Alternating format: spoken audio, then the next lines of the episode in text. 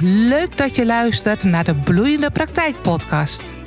Ik ben Ingrid Beersen en in deze podcast deel ik tips voor coaches en therapeuten die verlangen naar een succesvolle en bloeiende praktijk.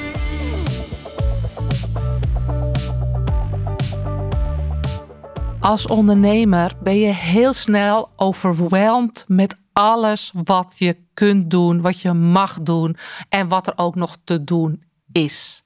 Nou, hoe zorg je dat je toch productief en actief blijft en ook nog wat dingen gedaan krijgt zonder dat je het gevoel hebt van "Ah, ik ben helemaal overweldigd met alles wat er gedaan moet worden. Nou, daar gaat deze podcast over. Allereerst eh, hoort het een beetje bij het ondernemerschap en stiekem is dat ook wel leuk dat er zo ontzettend veel mogelijkheden zijn. Daar ga je vast van aanstaan, daar word je blij van. Maar je kan je er ook heel erg overwhelmed, hè, een mooie Engelse term vind ik het altijd, of overweldigd door voelen. Er moet zoveel gebeuren. En er zijn een aantal dingen waarvan je al redelijk goed weet hoe je dat moet oppakken. Maar er zitten ongetwijfeld heel veel stukken tussen waarvan je denkt, ja, maar hoe dan?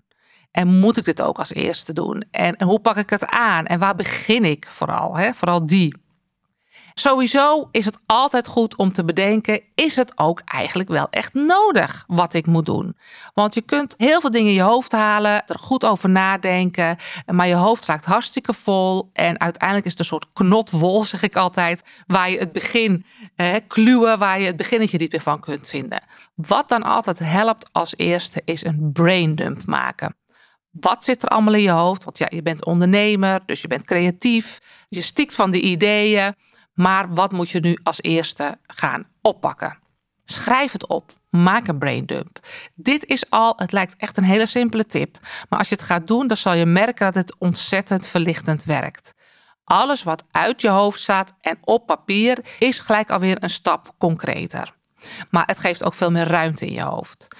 je hoeft het niet allemaal te gaan doen, want de volgende stap is dat je het onderverdeelt even globaal in need to have en nice to have. En met need to have, bijvoorbeeld als je net start, ja, dan is een website, het hoeft niet gelijk à la minuut, maar het is uiteindelijk wel een need uh, to have. Uh, maar je kunt ook dingetjes gaan bedenken waarvan je denkt, ja, dat wil ik ook nog een keer gaan doen, podcasten of een webinar. Nou, als je net begint met ondernemen, is dat bijvoorbeeld niet handig. Nice to have, dat kan nog wel eventjes wat later. Dus ga zo en in elke fase van je bedrijf zal je hebben dat je denkt: oh, ik stik nog van de ideeën. Ook ik nog. Ik heb ook echt nog een lijstje met need to have en nice to have. En soms zijn het grote projecten en soms zijn het kleine dingetjes. Hè, dingen die ik nog eens wil aanpassen, wil verbeteren. Uh, grotere plannen die, die ik heb. Maar als je dat in je hoofd laat zweven en zwermen, dan raak je daar gewoon als het ware in, in verstikt. Dus zet het op papier. Need to have, nice to have. Nice to have, dat betekent gewoon, je bent het lekker nog niet kwijt, maar je hoeft het nu ook niet vast te houden of over na te denken. Het is wel heel leuk om dan weer eens over uh, twee, drie maanden naar het nice to have lijstje te kijken. En dan te denken van, hey, geldt het nog? Of kan ik van nice to have alweer naar need to have doorschuiven? Maar zorg dat je need to have lijstje niet te groot wordt. En daar heb je eigenlijk twee dingen die dan gebeuren. Je hebt grote projecten. Bijvoorbeeld, ik wil een website, ik wil een podcast starten of ik wil mijn website omgooien. Of ik wil graag eh, met webinars aan de gang. Of ik wil video's. Of ik wil een traject gaan maken. Dat zijn de wat grotere uh, dingen. De kleine dingetjes kan zijn. Ik wil mijn homepagina nog een keertje veranderen. Ik wil een paar blogs uh, schrijven. Ik wil ze gaan, gaan batchen. Nou, allemaal dat soort dingen. Dat, dat zijn wat kleinere, behapbaardere dingen. Die kleine dingen, daar kan je echt wel meer van aan. Vind ik ook als ondernemer. Dat is aan je bedrijf werken. Daar moet je tijd voor maken. De grotere projecten, wat we daar vaak fout doen, is dat we daar heel veel van willen doen. En de website, en die podcast, en nog misschien uh, uh, het logo met de visitekaartjes, en een presentatie maken. Nou, ik, ik noem maar even een paar, uh, een paar dingen. De wat grotere dingen waar je wat langer mee bezig bent en waar wat zwaardere besluiten op, op zitten. Die grote dingen, daar moet je gewoon eentje per keer kiezen. Wat wij op een of andere manier heel vaak doen, is dat we vaak drie grotere dingen tegelijk doen. Of we zijn nog met iets groots bezig en pakken halverwege dat ene grote project alweer een volgende op. Het risico wat je daarmee loopt, is dat je drie grotere projecten mee bezig bent. En alle drie hoogstwaarschijnlijk, ik voorspel het alvast even voor je, uh, tot 80% volledig maakt en dat je dan afhaakt. Want die laatste 20% van zo'n groot project is namelijk het meest spannende. In het begin lukt het allemaal nog, maar uiteindelijk de puntjes op de i zetten en het ook hop de wereld ingooien, dat is vaak waar we een stapje terug doen en waar we zo'n terugtrekkende beweging hebben. Als jij drie projecten hebt lopen, gaat dat heel snel gebeuren. Want dan denk je, oh, ik maak de website nog maar net niet af, want ik ben ook nog even daarmee bezig. Hop, dan ga je daar naartoe. Dan blijf je in die uh, veilige 80% marge eigenlijk, eigenlijk zitten. En dit is echt wat heel vaak misgaat, waardoor je het gevoel altijd hebt, ik ben met heel veel dingen bezig, maar er komt wat weinig uit handen. Hier zit hij dat laatste 20% stukje om iets te lanceren of iets in de markt te zetten of live te, te zetten, dat is vaak waar we een terugtrekkende beweging hebben. Als je één project hebt en dus niet drie tegelijk, wat we meestal doen, maar één project en je zorgt dat dat ook afkomt, dan pas mag je met je volgende project uh, starten. Dan is de kans heel veel groter dat je hem tot die 100% vol maakt. Ja, dus dat je ook echt die website afmaakt en lanceert. Die podcast en al techniek klaar hebt staan en hem lanceert. Het webinar ook technisch helemaal hebt staan en hem ook gaat promoten. Ik pak maar even eh, voorbeelden van wat grotere dingen. Pak dus één project rond het ook echt af en pak dan je volgende grote project. Het gave daarvan is, is dat je tijdspanne wat kleiner wordt. Dit in ieder geval, nou, uh, in de meeste gevallen wel volbrengt. En dat je dan dus ook een succesmoment ervaart. Als je zes maanden doet over drie trajecten, drie grotere projecten, die je net niet afredt, nou, dan zijn zes maanden is best pittig. Doe je twee maanden ergens over en je hebt het gewoon af en gelanceerd, heb je een gigantisch succesmoment. Dan heb je elke twee maanden weer een nieuw project echt ook af. Dus dat is in ieder geval al iets als je overweldigd bent. Pak dan de grotere projecten, maak een braindump, pak daar de grotere need-to-have projecten uit en pak er één tegelijk. Wat betreft die grote, maar soms ook wel de kleine trajecten, daar geldt, eh, projecten, daar geldt een volgende tip voor. Geef het een hele specifieke tijd mee. Dus dit kan zijn over die website of over die podcast die je live wil hebben. Of het kan zijn over dat je nou de blog wilt, uh, wilt schrijven. Geef het een tijd mee. Als jij bijvoorbeeld zegt, nou, het is nu maandagochtend, ik wil een blog schrijven. Nou, dan heb je heel grote kans dat je uh, last krijgt van perfectionisme. En dat je er misschien wel anderhalf uur over een blog doet. Nou, en ik vind een blog moet echt niet op een gegeven moment, als je iets meer getraind bent, een half uur moet je een blog gewoon klaar hebben. Kan je hem een keer wegleggen, na de lunch nog eventjes pakken en dan hop, klap erop en live uh, zetten. Heel veel langer moet dat niet duren. Maar zo gauw jij gewoon zegt, het is maandagochtend, ik ga beginnen met een blog schrijven. Oftewel, en ik zie wel hoe ver ik kom dan heb je dus heel veel momenten voor jezelf ingebouwd om uh, perfectionistisch daarnaar te kijken, weer weg te leggen, weer opnieuw te schrijven, toch weer helemaal om te gooien en het niet live te krijgen. Hetzelfde geldt voor die grotere projecten. Ook daar moet je aangeven: oké, het is nu bijvoorbeeld januari. Ik wil 1 maart mijn website live eh, hebben. Of, of die podcastkanalen de lucht in, uh, in hebben. Uh, ik praat natuurlijk uit een, uit een ervaring, recente ervaring rond podcasten. Daar komt best wel, wat, best wel eventjes wat bij kijken. Maar als je een datum zet, dan wil ik hem lanceren, dan kan je terug gaan rekenen.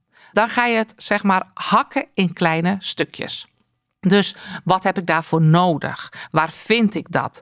Uh, wie kan me daar eventueel bij, helpen? wat moet ik daarvoor opzoeken? wat moet ik daarvoor aanschaffen? Op die manier kan je dan terugrekenen. Oké, als ik dat nog moet aanschaffen, als ik dat nog dat, dat nog moet doen, dan moet ik eigenlijk mijn concept voor mijn podcast al eind januari klaar hebben. Ik moet al drie podcast-ideeën klaar hebben. Ik moet een intro gaan maken. Dat wil ik dan de eerste week van februari doen. En zo reken je terug, zodat je 1 maart kan lanceren. Even in het voorbeeld. Hetzelfde geldt natuurlijk voor een website.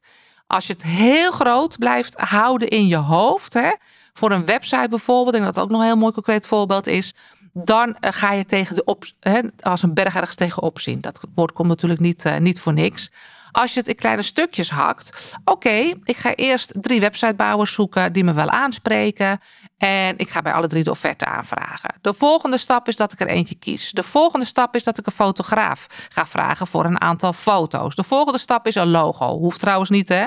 Je kan ook gewoon nog eventjes je naam gebruiken en het logo komt later wel. Maar als je dat fijn vindt, moet je dat ook vooral doen. De volgende stap is een homepagina schrijven. De volgende stap, zo. Hè, dan, als je dan in kleine stukjes doet en je begint dus gewoon met drie offertes aanvragen, dan ben je in ieder geval aan de slag. Als je heel tijd denkt, ik moet mijn website aan de gang, poe, poe, ik moet mijn website aan de gang, waar zal ik beginnen? Dan komt er niks. Neem het als kleine stapjes en de weg gaat zich echt vanzelf ontvouwen. En reken terug vanaf het moment dat je wil lanceren. Dus geef het tijd en met grote dingen hak het vervolgens op de aangegeven tijd en reken terug in kleine eh, stukjes.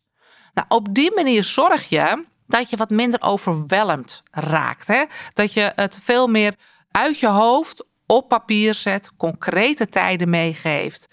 Uh, goed aanpakt wat je echt nodig hebt en wat gewoon leuk is, maar wat echt wel eventjes mag, uh, mag wachten. Natuurlijk moet je de leuke dingen straks ook doen, maar zeker als je net start of je hebt nog te weinig klanten, kies dan de dingen die echt zorgen dat je klanten krijgt. Een website gaat je natuurlijk helpen om klanten te krijgen. Gaat je ook zelfvertrouwen geven. Dat weet ik. Je kan wel zeggen: Oké, ik weet het ook. Zonder website kan je ook echt wel klanten krijgen. Maar als je net start, is het best heel fijn om een website te hebben. Dat als je op social media wat plaatst, dat mensen ook op je website komen en daar iets lezen wat ook een beetje hout uh, snijdt. Maar ga wel alvast aan de slag met social media. Ook voordat je website staat, vertel dat je met je website bezig bent. Zorg gewoon dat je ook de dingen kiest waar je klanten mee kunt krijgen. En dat je allerlei andere dingen waar je soms ook heel druk mee kan zijn, maar waar niet direct klanten uitkomen, ook vaak nog eerst eventjes in de nice to have uh, categorie zet. Nou, als je op die manier gaat kijken naar al jouw werkzaamheden, en het ook in kleine stukjes hakt, dan zorg je dat je wat minder overweldigd raakt. Omdat je het veel meer voor jezelf categoriseert en in een planning wegzet. Ik zet dit soort dingen ook echt letterlijk in mijn agenda. Hè.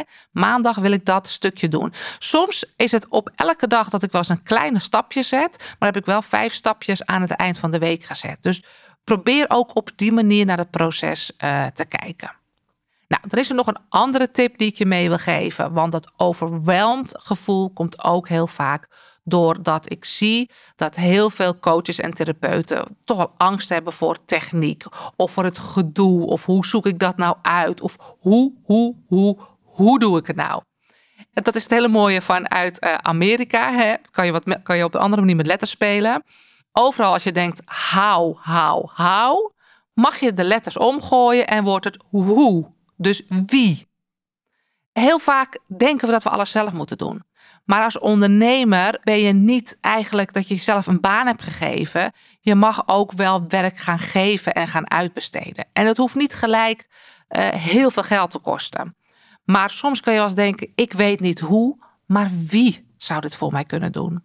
En heel soms kan het een student uh, commerciële economie zijn of uh, voor multimedia, waar je een oproep kan doen hè, op dat soort scholen. Kan heel interessant zijn om een stagiaire uh, te vragen. Als je wat meerdere dingetjes hebt die gedaan moeten worden op gebied van marketing. Als het technische dingen zijn, ja, de jeugd, die kan je daar ontzettend bij helpen. Die zijn ontzettend handig daar, daarin. Dus denk ook gewoon, ja, ik, ik vraag af en toe ook mijn zoons of, of mijn dochter voor dingetjes waarvan ik denk, oh, ik kom er niet helemaal uit. Maar je hebt ook virtueel assistentes. Hè? Dat zijn eigenlijk assistentes waar je met een strippenkaart of een soort abonnement ook hulp kan vragen. En er zijn sommigen die heel goed zijn in technische dingen. Anderen zijn heel goed in het redigeren. Anderen kunnen weer hele mooie layout dingetjes van je maken. Overal waarvan jij denkt, hoe of hé, gadverdarrie, ik heb er niet zoveel zin in. Of hier moet ik niet meer mee bezig eh, zijn als je al eh, verder, onder, verder gevorderd ondernemer bent. Dan kan je ook denken, wie kan dit voor me doen?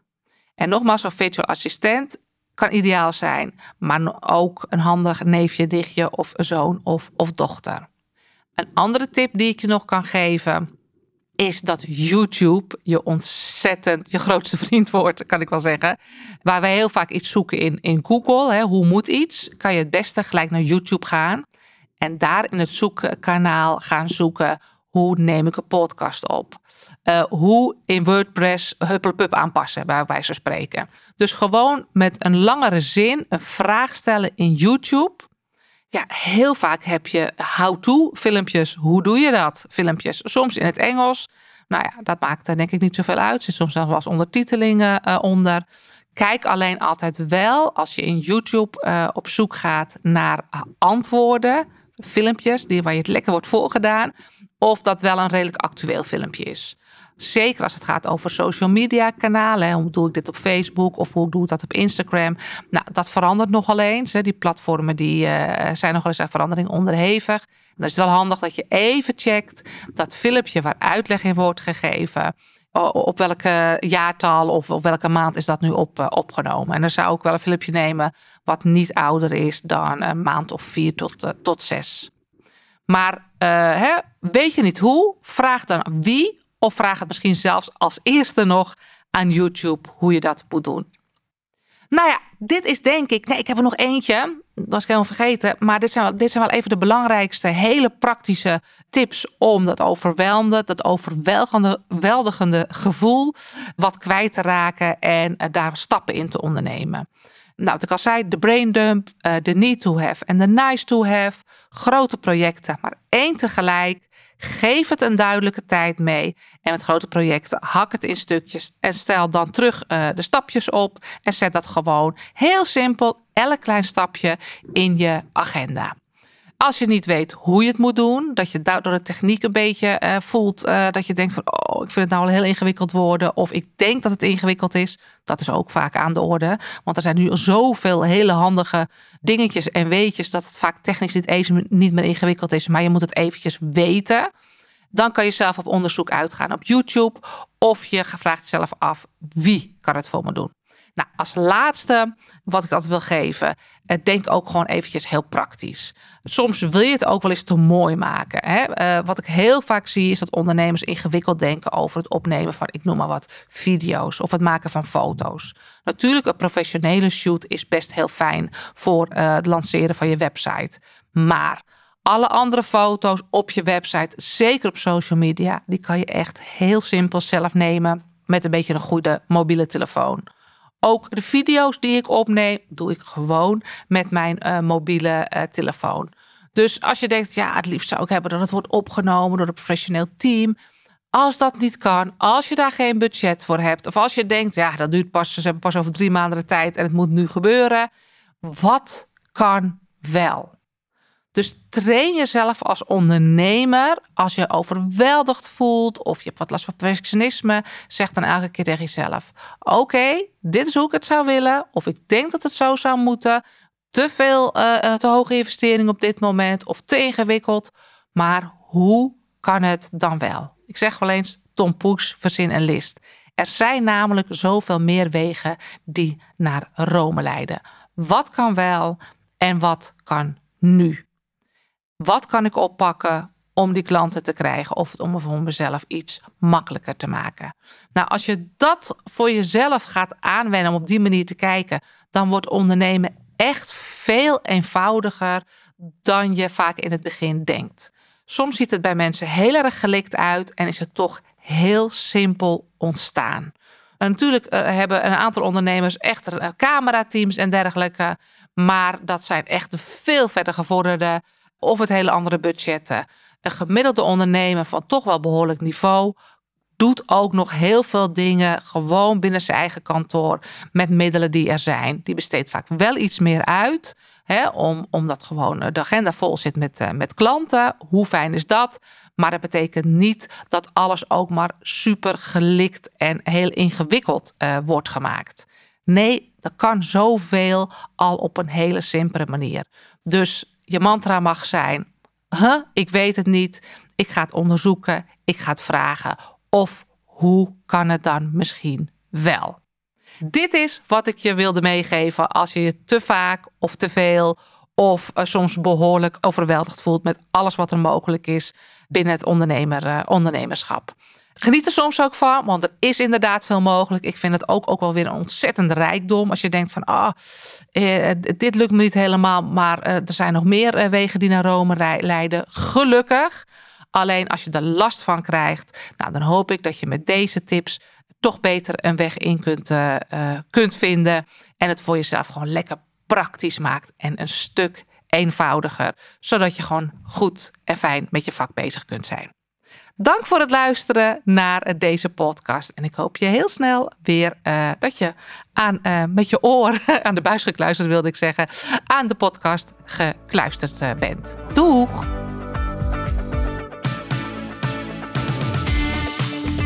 Leuk dat je hebt geluisterd. Vond je het interessant en smaakt het naar meer? Abonneer je dan op mijn podcast, zodat je op de hoogte blijft van de nieuwste afleveringen. En wil je meer informatie? Neem dan een kijkje op de website van bureaubeersen.nl.